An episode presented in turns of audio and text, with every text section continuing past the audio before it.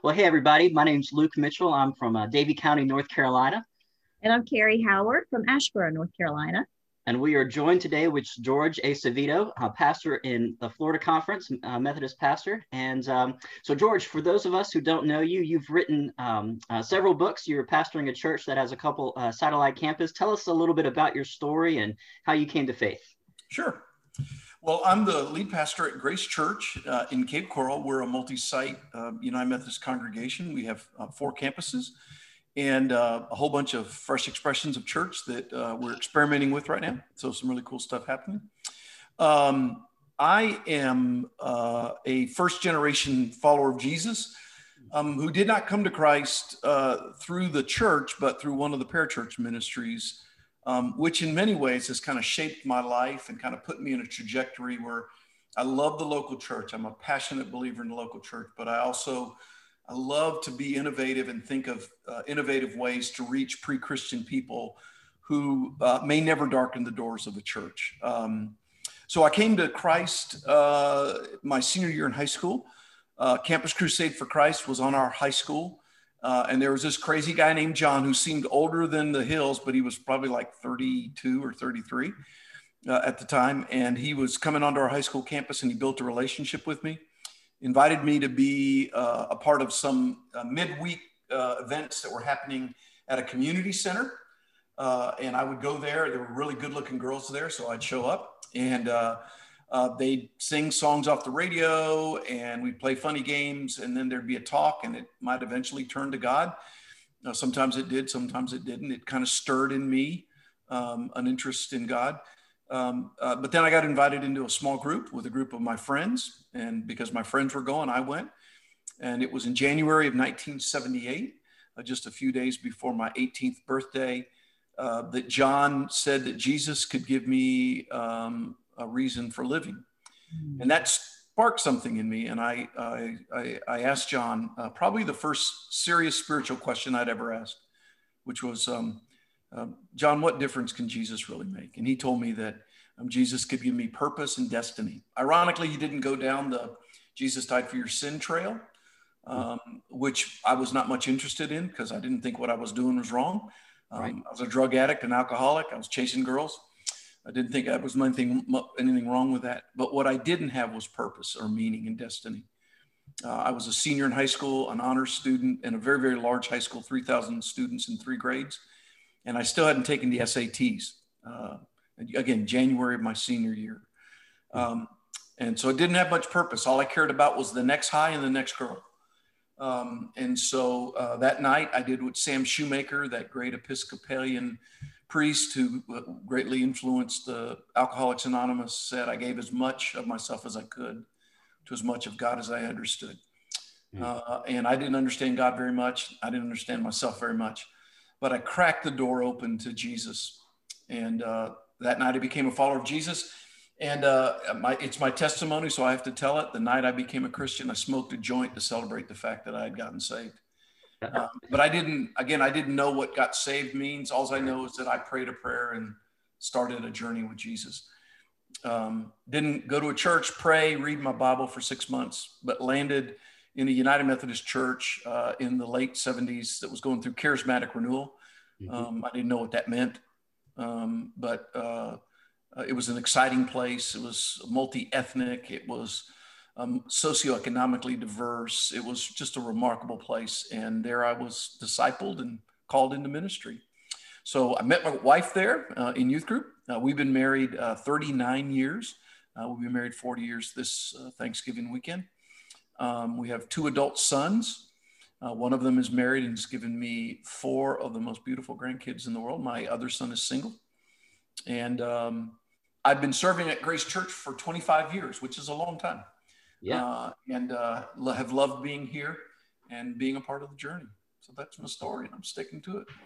That's great. So so many questions I have about that, but um, man, that's great. So it sounds like you said uh, I love the term pre-Christian. That's a, a very I like that term. I'm gonna have to to mull on that for a little bit. So it, it sounds like from your story, uh, a lot of your coming to Jesus had to do with relationships, um, getting to know friends, uh, neighbors. This guy named John, who was um, who, who, reached out to you. What does it look like um, for us uh, as Christians in this day and age uh, to be relational in our evangelism? Yeah, boy, you're giving me softball questions because this is this is the stuff I love. I think one of the things that we've done is we've made evangelism a propositional reality. Believe certain things. Right. And um, and the truth is that the human heart um, often needs to belong before it needs to believe. Okay. And um, and so you know my life verse is First Thessalonians two eight, where Paul um, says to the church at Thessalonica, I, We loved you so much that we gave to you not only the gospel, but our very lives because you'd become so dear to us. So it's almost like Paul equates the gospel with him giving them his life, with this relational dynamic. We loved you so much. And uh, that's what John did for me as a lost 17 year old. And um, it's what I've tried to do now for 37, 38 years of ministry is to love people and, and, to, and to engage relationally. I mean, God so loved the world, he didn't send us a book. Um, God so loved the world, he didn't even send us the Hillsong band and a skinny jean wearing pastor. God so loved the world, he sent us his son. Highly relational. Um, and that son spent uh, 30 years in obscurity in Nazareth, and then three years with a bunch of teenage boys and an outer circle of women. That mean that wouldn't be my strategy to redeem the planet, but it was the strategy of God the Father, Son, and the Holy Spirit. That if I'm going to redeem a sin sick, war torn, blood stained planet, the way I'm going to redeem it is I'm going to send my son to have influence with 12 and a smaller circle around him and then I'm going to send the Holy Spirit, and then I'm going to leave, or I'm going to leave and then send the Holy Spirit. Mm. It, was all about relationships, and so um, the world's not looking for a church that's you know polished and all of that. It's looking for a church that's authentic, that's genuine, that's incarnational, um, that uh, walks alongside. Uh, one of my um, one of my favorite sayings of late is from um, uh, um, oh gosh, oh gosh, I'm drawing a blank here. Uh, Deb Hirsch. And Deb Hirsch says that, uh, Deb and Al Hirsch, but Deb says the heartbeat of the city is where the pain is. Mm. Um, and, and, and God invites us to those places of pain. And uh, that's what John, again, I, you know, it's hard to get away from your own narrative, but that's what John did for me.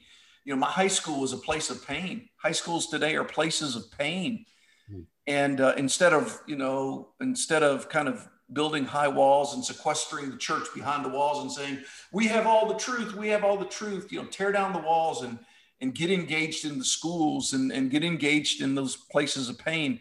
I love the image in Genesis 1 where it says that the Spirit of God hovers over the chaos. Mm, yeah. And so, if we want to cooperate with the Spirit of God, then we've got to get to those places of chaos.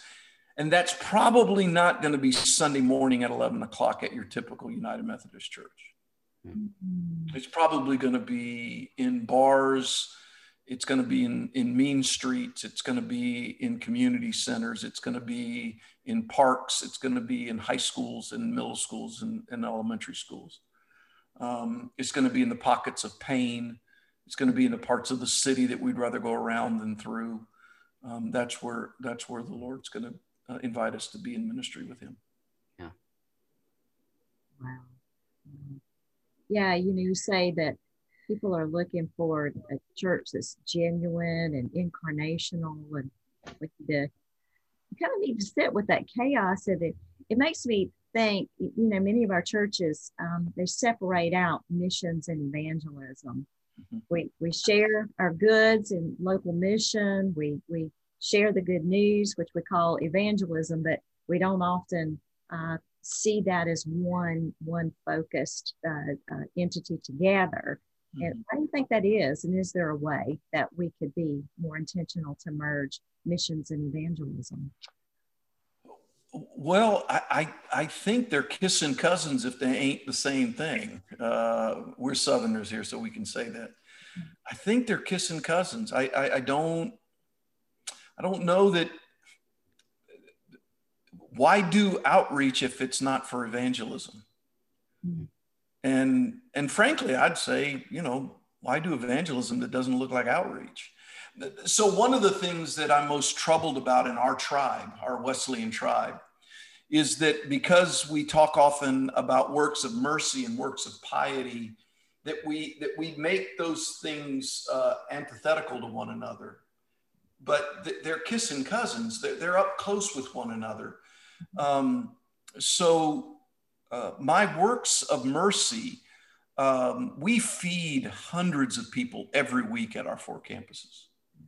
But we're not in the food distribution business. We're in the gospel declaration business. But it's gospel declaration that is gospel demonstration. And, and uh, Andy Stanley has this great line. He says, There are problems we solve and tensions we manage. And the, there's a tension between outreach and evangelism. There's a tension between evangelism and discipleship. Um, there's a tension between works of mercy and works of piety. And so we manage the tension, we don't solve it. We manage that tension. Sometimes we're going to drift over and we're going to be, oh, that's wait, that, you know, we're drifting over to too much acts of mercy without enough piety, not without enough invitation to invite people to follow Jesus. And, and then sometimes it's way over here in the declaration side and not enough on the demonstration side. Um, I, I would say that in an unbelieving, skeptical world, if we're going to go overboard, let's go overboard on the demonstration side. There's enough people out there declaring crazy stuff with placards and saying that God hates this and God hates that, and uh, not interested, just not interested um, don't believe that's the way of Jesus. Um, and so, uh, but we have to be careful, again, in our tribe, that we don't make social services what we do. No, that's not what we do. Uh, our church, again, uh, we give away hundreds of pairs of shoes every year, you know, uh, hundreds of thousands of pounds of food, uh, clothing, um, you name it. We, we, we, we do pet food ministry for veterans and their pets and homeless people and their pets. So we're all about um, demonstrating the gospel. But at the end of the day, it's always about um, building the relational capital to be able to speak the name and to name the name and to point people in kind and gentle ways to the one who loves us most and who loves us best. Um, so, yeah, it's a tension to manage. Beautiful. So, you know, when we're loving our neighbors, when we're doing uh, combining these missions and evangelism, um, from personal experience, I don't always see fruit, right? And, and my churches don't always see the fruit. Um, when I was in um, high school and college, I used to love to mow grass, not because I love to be a landscaper, but I could drive away and I could see that my work was done and I could see what I accomplished, right? Um, you know, when we're out there doing missions and evangelism and we don't see the fruits of our labor, um, how how can you encourage us? How can we continue to move forward in faithful ministry? It's a great question. Um, what, what I would what I would say, Luke, is that um, uh, one of the things that the local church does uh, when she does it well is we create culture. Another way of looking at would be buzz. Okay. So, one of the questions I often ask when I'm trying to help churches um, uh, be, be more engaged in their community and be more vital is I'll ask them if your church went away, would anybody in the community notice or even care? Now, one again, one of the gifts of being in the same church for 25 years is I can tell you unequivocally that in our community, the answer would be yes. Because uh, hundreds of and thousands of people would not be cared for in any number of categories addictions recovery. We work with special needs adults, uh, veterans, homeless people, uh, the people who would call Grace Church their home. They would be affected if we if we left. And and and I think that one of the things that we often forget is if we're offering a cold cup of water in Jesus' name, and we're consistent about it being both of those things, the cup of water and in Jesus' name, what we're doing is we're creating culture and buzz about what that church on the corner of Main and Maple is about. But again, having traveled globally as well as nationally and walked around a lot of churches, I have asked neighbors, what's that building over there? And the neighbors have said to me, if I'm lying, I'm dying. I don't know. And it's a United Methodist Church. I've experienced that in the barrios of Nicaragua, and I've experienced that in the beautiful beach cities of Southwest Florida, where I live, where neighbors pointed at a building that's been there for 50, 60, 70 years, and the neighbors don't know what it is. There's no buzz. There's no buzz. One guy here in my community, uh, uh, one, one, one, one friend of mine uh, asked that of some neighbors of a, of, a, of a United Methodist church in our community where I live. And they said this it was a multi ethnic community, mostly brown and black people. And it was a, a, a predominantly, no, exclusively white church. It had experienced white flight and it was a white church in, in the middle of that community. And when my friend who was trying to help this church went and asked the neighborhood boys, what happens there? They said, we don't know, but on Sunday, a bunch of white people show up for an hour. That's what they said. But they didn't even know it was a church. There's no buzz in that community about that church. And, um, you know, I'll, I'll probably step on some toes when I say this. When we talk about whatever the future of the United Methodist Church looks like, I am in no way interested in being a part of a movement that perpetuates that kind of brokenness and sickness. Mm-hmm. Um, and I don't care if they share my theology around human sexuality. I'm not interested, just not interested. I want to be a part of a Wesleyan movement. And what made the Wesleyan movement movemental was that its engagement with the society was profound and spiritual and it was about Jesus, and it was about evangelism and disciple making, and, and all that that means for society. So that it, it was about the reformation of the church and the nation. Uh, it was about the spreading of scriptural holiness throughout all of the land. Um, and, and, and it was that dynamism, and that's buzz. And so, what I would say to the small church in the backwoods of North Carolina that, that is struggling, that part of their responsibility as leaders in that church is to create culture, to create buzz about what the Spirit of God is doing among these crazy people called Methodists. And, uh, and, and in Alcoholics Anonymous, they have this phrase. They say it's growth by attraction, not by promotion. So we can have all the really cool logos and all that. That's not Buzz. That's not Buzz. But Buzz is recently. Uh, I I got a a, a meeting with a, a local uh, social service agency, and when uh, when I had the meeting with the person, the person said to me, "Oh." we know about Grace Church. And then they began to litany off all the things we do in the community.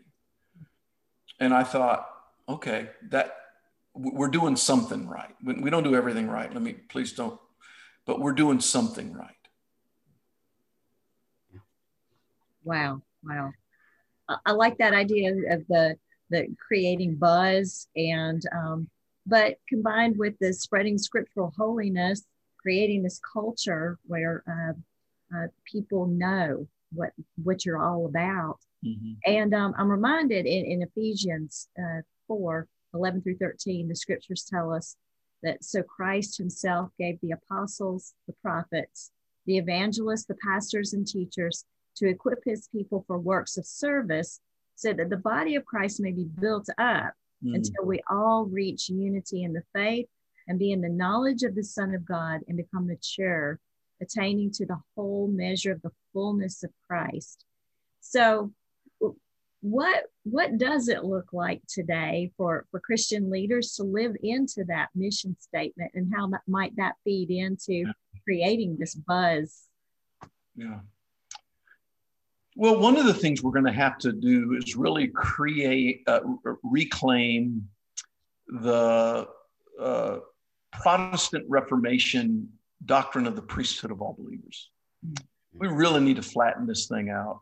And recognize that some of us have callings that require maybe some educational things that are that are unique. I'm not I'm, I'm not trying to minimize uh, the ministry of the ordained and the clergy.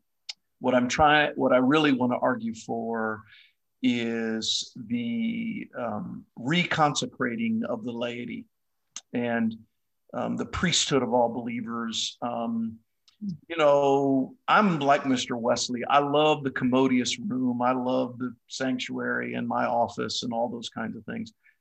I'm not. I'm not an evangelist. Uh, I got some even evangelist tendencies, but I'm not an evangelist. I'm not a very good personal evangelist. Um, but but part of the calling of leadership is is to release the full body of Christ um, and and and it, and and so we can't we can't have a, a, a system or even a way of thinking that is just simply about perpetuating a, a kind of classism when it comes to the body of Christ. Um, and so, again, one of the things that we've just gotten a little bit better at year after year after year is releasing the full body of Christ. Uh, uh, so the APEST in Ephesians 4, APEST is apostle, prophet, evangelist, shepherd, teacher.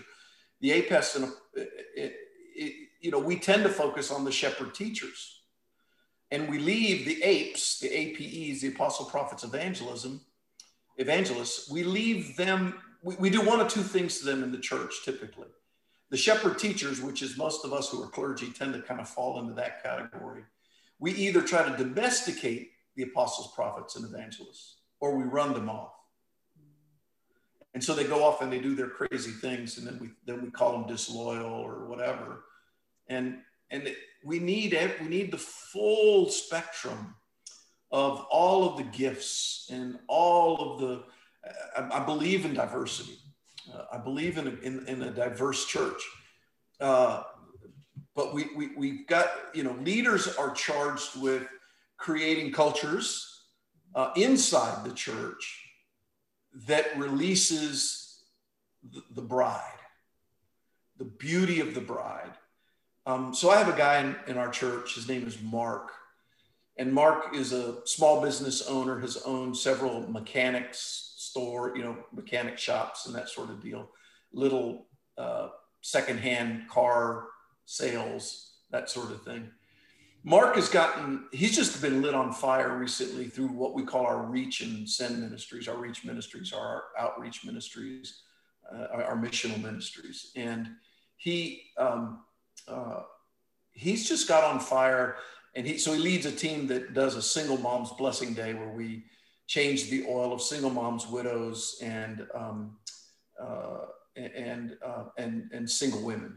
And so our last one, we, I don't know, was 80 cars we have prayer teams and they get to go shopping and we build Bible studies, we try to get them in Bible studies and those kinds of things.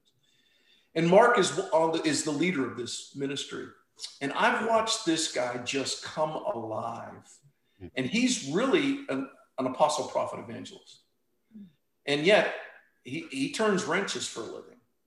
Mm-hmm. And uh, so he's a part of our Fresh Expressions. We have two dinner churches, one on Monday night and one on Thursday night. We feed 50 to 100 people each of those two nights in a, in a fresh expression of church.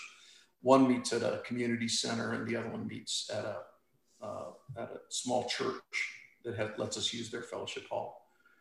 And I've watched Mark come alive as he's fallen in love with homeless people who come to our meals. He's adopted a guy by the name of Jorge. He's George, who says and spells his name right. A Spanish guy, homeless guy. The first time he met him, Mark took off his shoes and he said, You don't have shoes here, have my shoes. And Mark's walked alongside Jorge. He's given him a job. He now gave him a little room to live in. and Jorge just went to interview, and I saw a picture of him. And you know that that that line in Mark's gospel about the Gerasene demoniac at the end of the story after the pigs have gone over the cliff, it says, and the man was sitting there in his right mind. That's Jorge today. Jorge was, you know, uh, still struggles with mental illness, still struggles with his addictions. He's now in a church where we're helping him with those things. He's now got a community of people that are around him, but he's in his right mind. He's on, on his journey to his right mind. And um, that, that's what we're talking about. That, that, that's a snapshot, a picture of why what we do matters so profoundly. Mm-hmm. Um, and why the releasing of the full beauty, the full bodied body of Christ is so important. That, it, that we, you know, my, my, my image is, is that we're this emaciated body in most places with a big mouth, the preacher. And uh, we need the whole body, the whole body. That, that passage in Mark, when the, um, the man who was healed, afterwards he asked Jesus, Can I come with you? And, and Jesus said, Nope, you got to stay here and tell everybody what, you know, what the Lord's done in your life. And um, um, the first the first evangelist to the Gentiles. Yeah, yeah. So it's a it's almost like he wanted to be a, a pastored shepherd, and Jesus is like, nope, you're going to be an APE. You're gonna um, you're gonna stay where you are and share the gospel there. So yep. yep. You know, you you mentioned um, several different fresh expressions and um, I don't think you mentioned it yet in this interview, but I know that Grace has kind of adopted several Methodist churches over the years. Yeah. What does that look like, and and, and how how might that shape um, possible the future of um, some of our Methodism? Yeah. Well, um, you know how you discover things. Uh, yeah, most of what we've done at Grace Church has been flying, uh, building the plane while we're flying it, walking over the bridge while we're building it um, it, there's not been, you know, there's not like some master plan that I keep in my computer that says in year one we're going to do this, and you know, it's. As a matter of fact, the, the image that I, when people have asked me, "What are your 10 year plans?" I says it's like this, and for this is a radio. I'm licking my finger and holding it up and saying, "Holy Spirit, which way are you blowing?" Um, I'm not against planning. I'm all for planning. Uh, we work hard at planning, but I do think we have to be nimble enough that when opportunity arises a small thing like COVID or racial injustice, then the church, if it's nimble, it can respond to that. Um, and so, you know, about 15 years ago or so, um, Grace Church was just, I mean, by any metrics or whatever, we were doing remarkable. Um, uh, we we just were doing really really well um, uh, we were adding services and adding staff, and everything was up and to the right for the most part. Um, um, I would tell you our dirty little secret was that we were making really good converts and not really good disciples. Hmm. And uh, that's the last 15 year journey has been about making more and better disciples of Jesus. But the first 10 years, we, we just led lots of people to Jesus, and the church just um, just did really, really well. But we were focused on an attractional model of ministry, and that's a whole nother discussion. Um, and we were landlocked. Uh, our largest campus is on six acres. And in Florida, you have to use about an acre and a half of that for retention. We have to hold the water from the rain because we get a lot of rain in the summer, uh, spring and summer. And so, not a lot of space for buildings. And you throw in a parking lot, and we have a nice sanctuary and a nice kids building and youth building. And that's about it. We don't have a lot of Sunday school classrooms and all those. And yet I also knew that God wasn't saying we were done. There were still more lost people in Southwest Florida that we were responsible for. So um, one day I was uh, driving past the United Methodist Church that I knew was going to close. And I heard the Holy Spirit say, I want to do something there. So I called my district superintendent and I said, I knew, no, you think I'm going to go, I'm being crazy, but I heard the Holy Spirit say, I want to do something there and and she said to me, "Hey, let's get together next week for coffee and talk about it." And she said, "Bring to me a plan." So I just prayed and I talked to a few people, and, and so I, we sat down and I said, "How about we?" And I'd never heard this term before. How about we adopt that United Methodist Church? And by adoption, it was an adoption. We were the parent, and it was going to be the child. Um, this is not a merger. A merger is two equals. This is an adoption. This is the parent, and they're the child. they were getting ready to close. They were down to about 40 people or so. Um, and uh, they had this big facility, nice properties uh, in a growing community. It's Southwest Florida, in a growing community. And, um, and so she and I went to meet with the leaders and we said, hey, what do you think about? And they said, well, what are the non negotiables? And I said, well, we close using the book of discipline so that all the committees go away, all the properties and the assets then become property of Grace United Methodist Church of Cape Coral, Inc. So that we're one church in two locations. I'm the lead pastor. Um, together, we will working with the cabinet get an associate or a campus pastor appointed there, and uh, we'll do things the way Grace Church does things, 17 miles away. And so we experimented with it, and by golly, it worked. Now, we made a lot of mistakes with that first one, a lot of mistakes, but it worked. And then um, a second opportunity came. It was down to 30 people in the inner city, 80, I call them 80 angry octogenarians, or 30 a- angry octogenarians. Uh, and uh, uh we adopted it, and uh, that one exploded.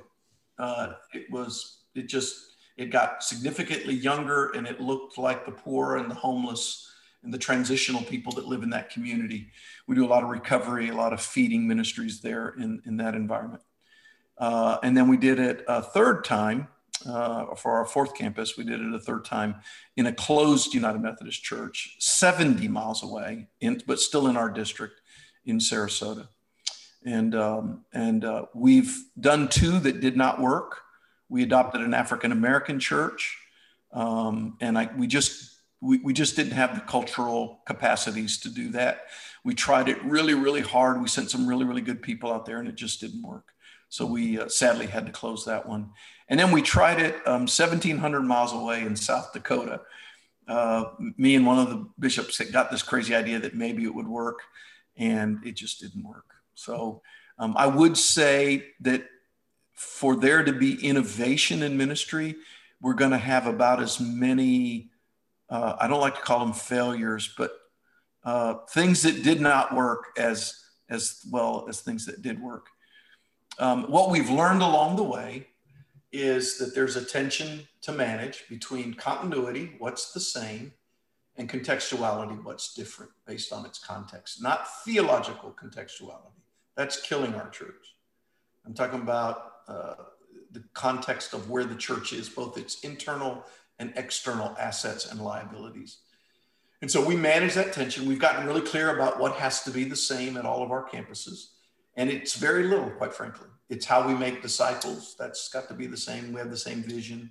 We have a few of the same structures so that we can manage it and navigate it. But each of our campuses is uniquely indigenous to its context. So, um, and it's working uh, pretty well.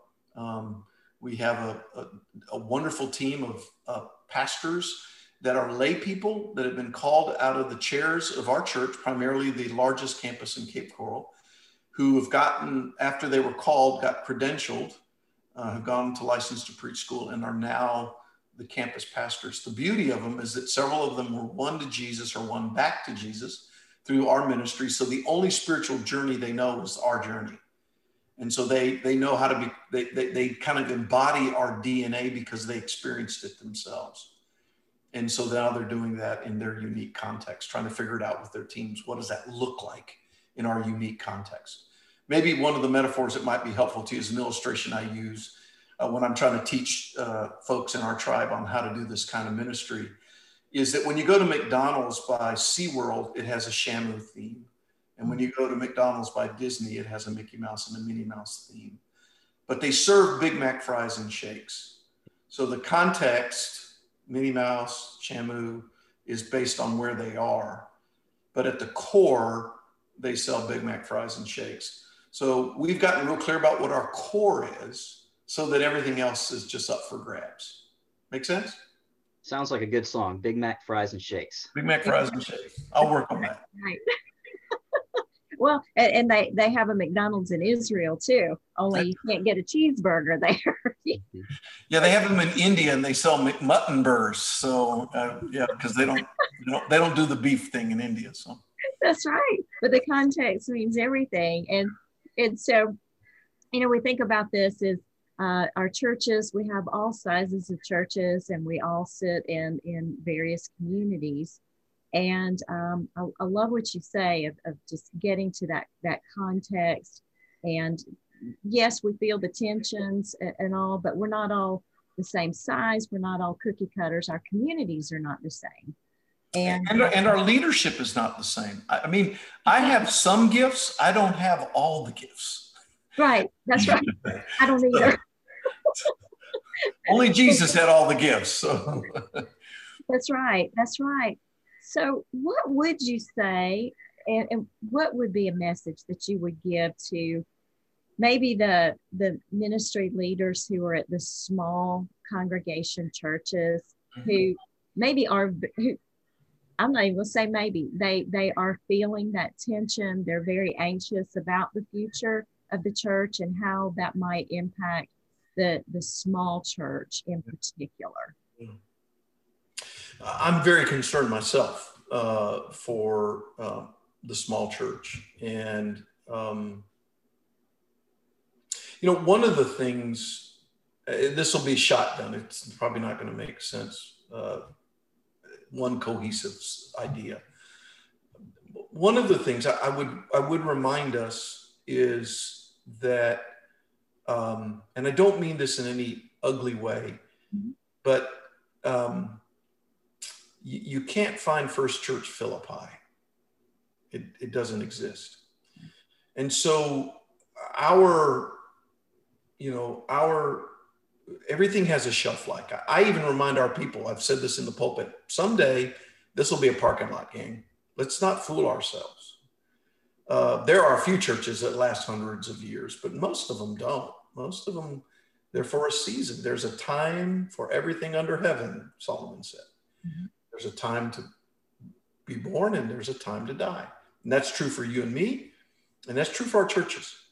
And for some churches, what we what we the honorable thing that, that we need to do is just celebrate what has been and and then and go on. And and uh, because communities change and communities shift and things move and and I know that in many rural places a lot of the young folks are leaving and they're not coming back. And so there's some of those dynamics.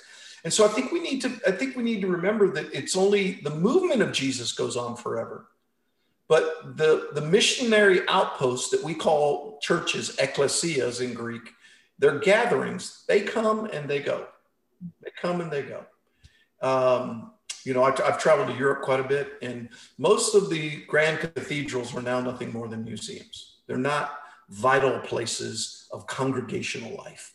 So that's one thing I would say. Um, and for some of us, um, in the spirit of not wasting a crisis, we have to just do the heavy, hard look and go, is our season done?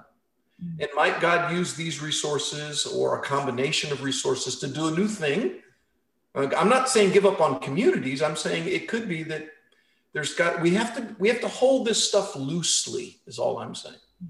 The church belongs to God and it is of God. So I think that's one thing I would say is, uh, and I put that in the category of of taking the mission very seriously, but not taking us quite so seriously. Mm-hmm. Uh, that's one thing I would say. Mm. The other thing I would say is that. Um, uh, we, we can't waste the opportunity. Uh, don't waste a crisis again. Um, and it could be that the crisis becomes a way to uh, reshape and re-aim our ministries um, for, for new and innovative ways, uh, like fresh expressions of church or or recovery communities or what, what, what you, you, you, know. I mean, I, I've checked my Bible. I've looked at it, table of contents, the maps, leather to leather and I can't find anything in there that says there's anything sacred about Sunday morning at 11 o'clock. It's just not there. And so our ministries are bigger than Sunday morning at 11 o'clock. And we need to be honest about that. Um, that's just the tip of the spear, it's not the whole spear. Um, is it important? Is the gathered people important? I'm not saying it's not. I'm a big believer in the gathered people. what I'm saying is, is that our ministry is bigger than the gathered people on Sunday morning at 11 o'clock. So for some of us, we just don't need to waste a crisis. Then we're in communities that the needs have changed and we haven't. So maybe we use this opportunity to shift and reform ourselves uh, into uh, what our communities need because our context drives our mission, not the other way around. Our context drives our mission. Where we are determined, the gospel is really flexible. It's really flexible.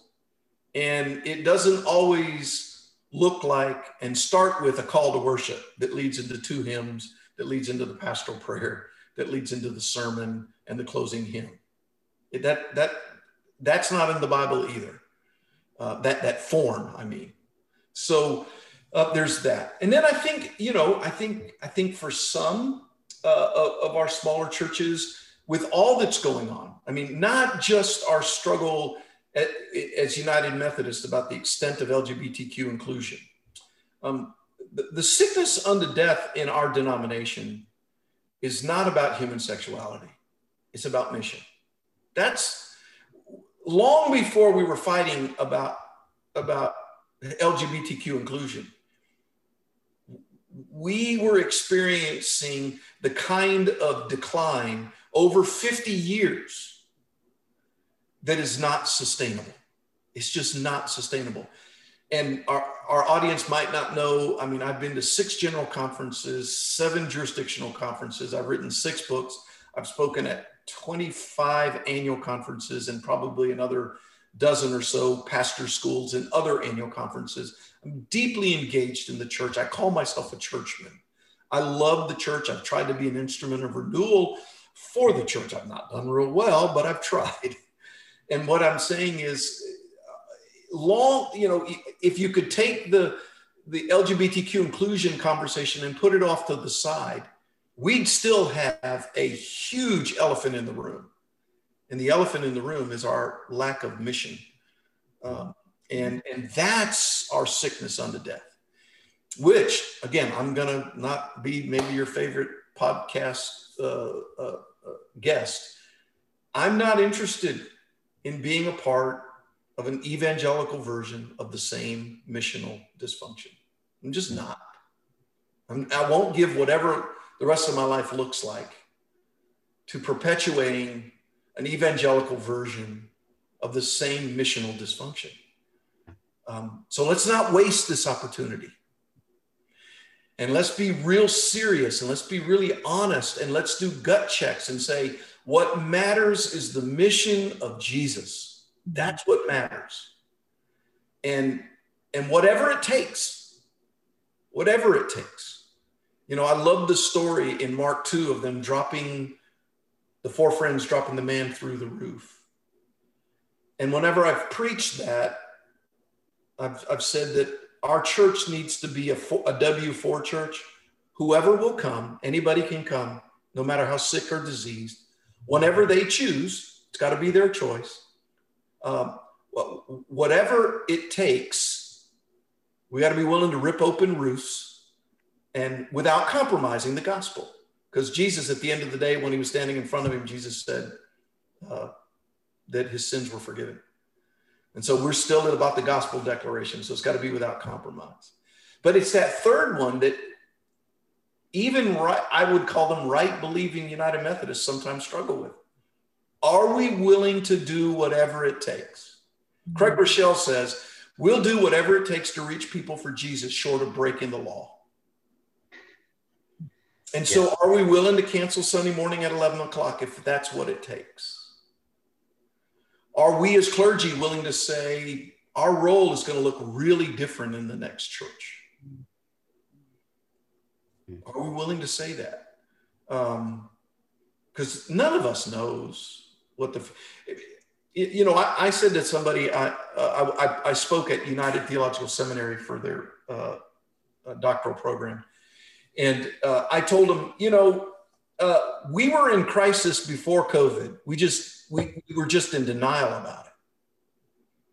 And we've been in crisis before Portland and before Tampa and before you know St. Louis, all the general conferences, we've been in we've been in serious, serious, serious uh, denial about our missional drift, and um, yeah. So okay, I'm, I'm done preaching. Hey, that's okay. Um, uh, you know, it, it's the, the gospel message is what we are supposed to be about.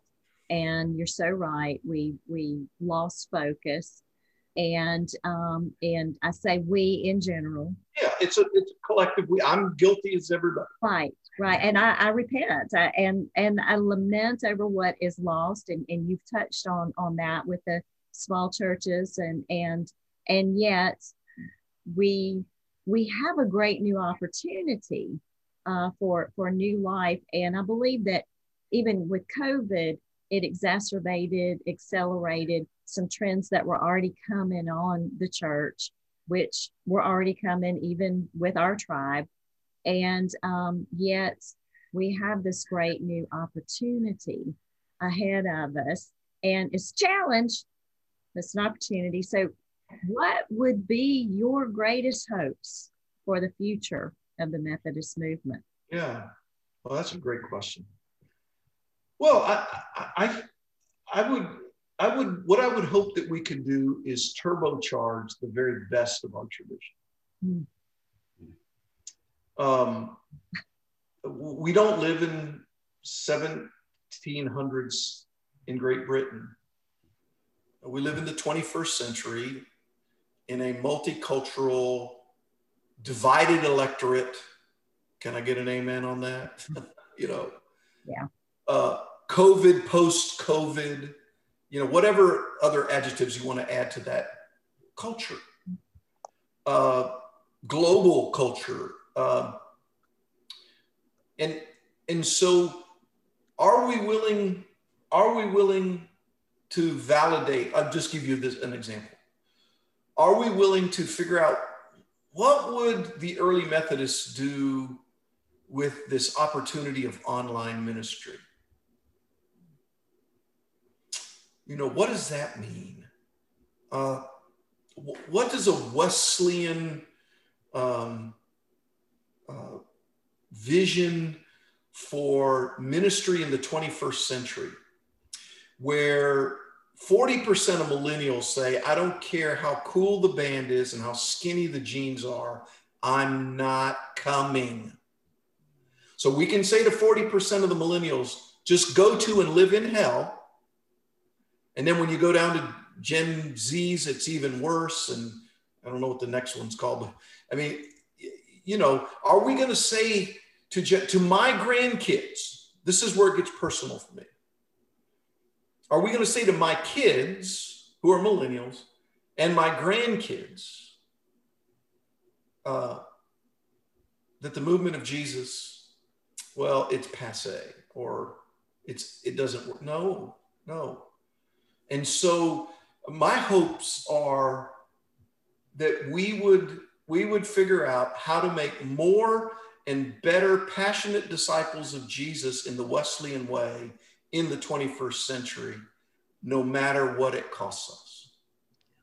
Our credentials, our buildings, um, you know, grandma's kitchen in, in, in, in, the, in the fellowship hall, whatever it takes. And I'll, I'll, maybe I'll, I don't know if you want to end with this, but I'll tell you a story. I was, I was at the new room, not conference, the actual new room in Bristol.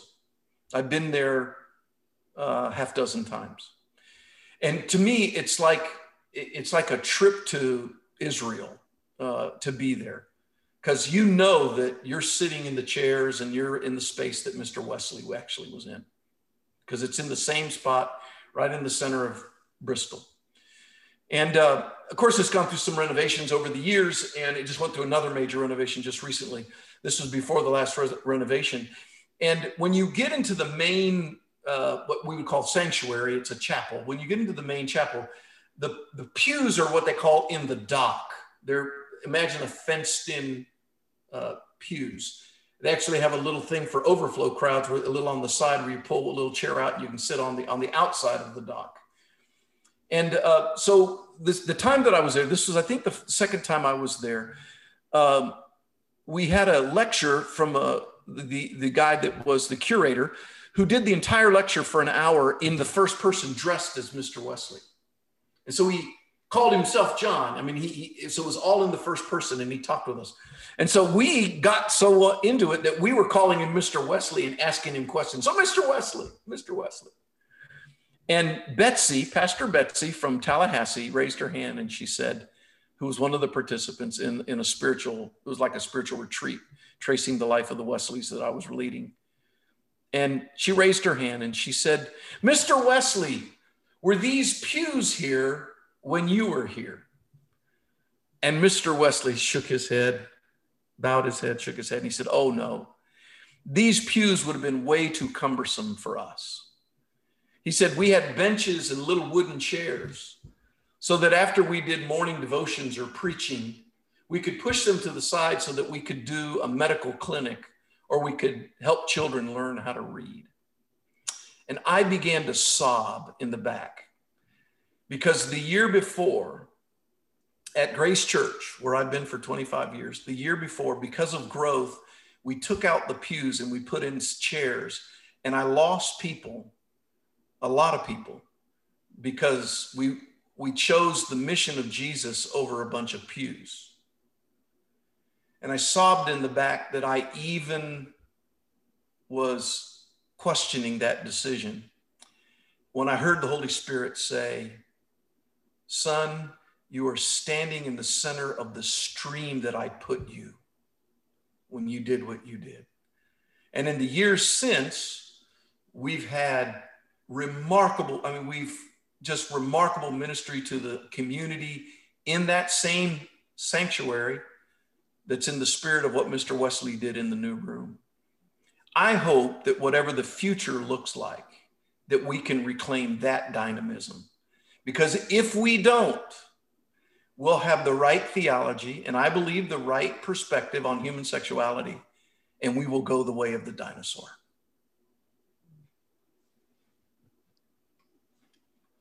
I don't know if Zoom has a drop the mic emoji, but uh, well, I think that's a great illustration to, to end our, our conversation on. That was wonderful, George.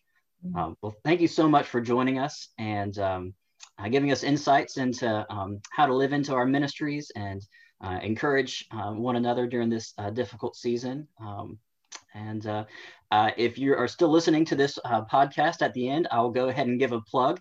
George, you mentioned you've written several books, and so you can buy those anywhere that good books are sold. And um, uh, I've read a couple of them and they're uh, wonderful reads. So uh, thank you guys for joining us on this um, series of our podcast, and we will see you next time.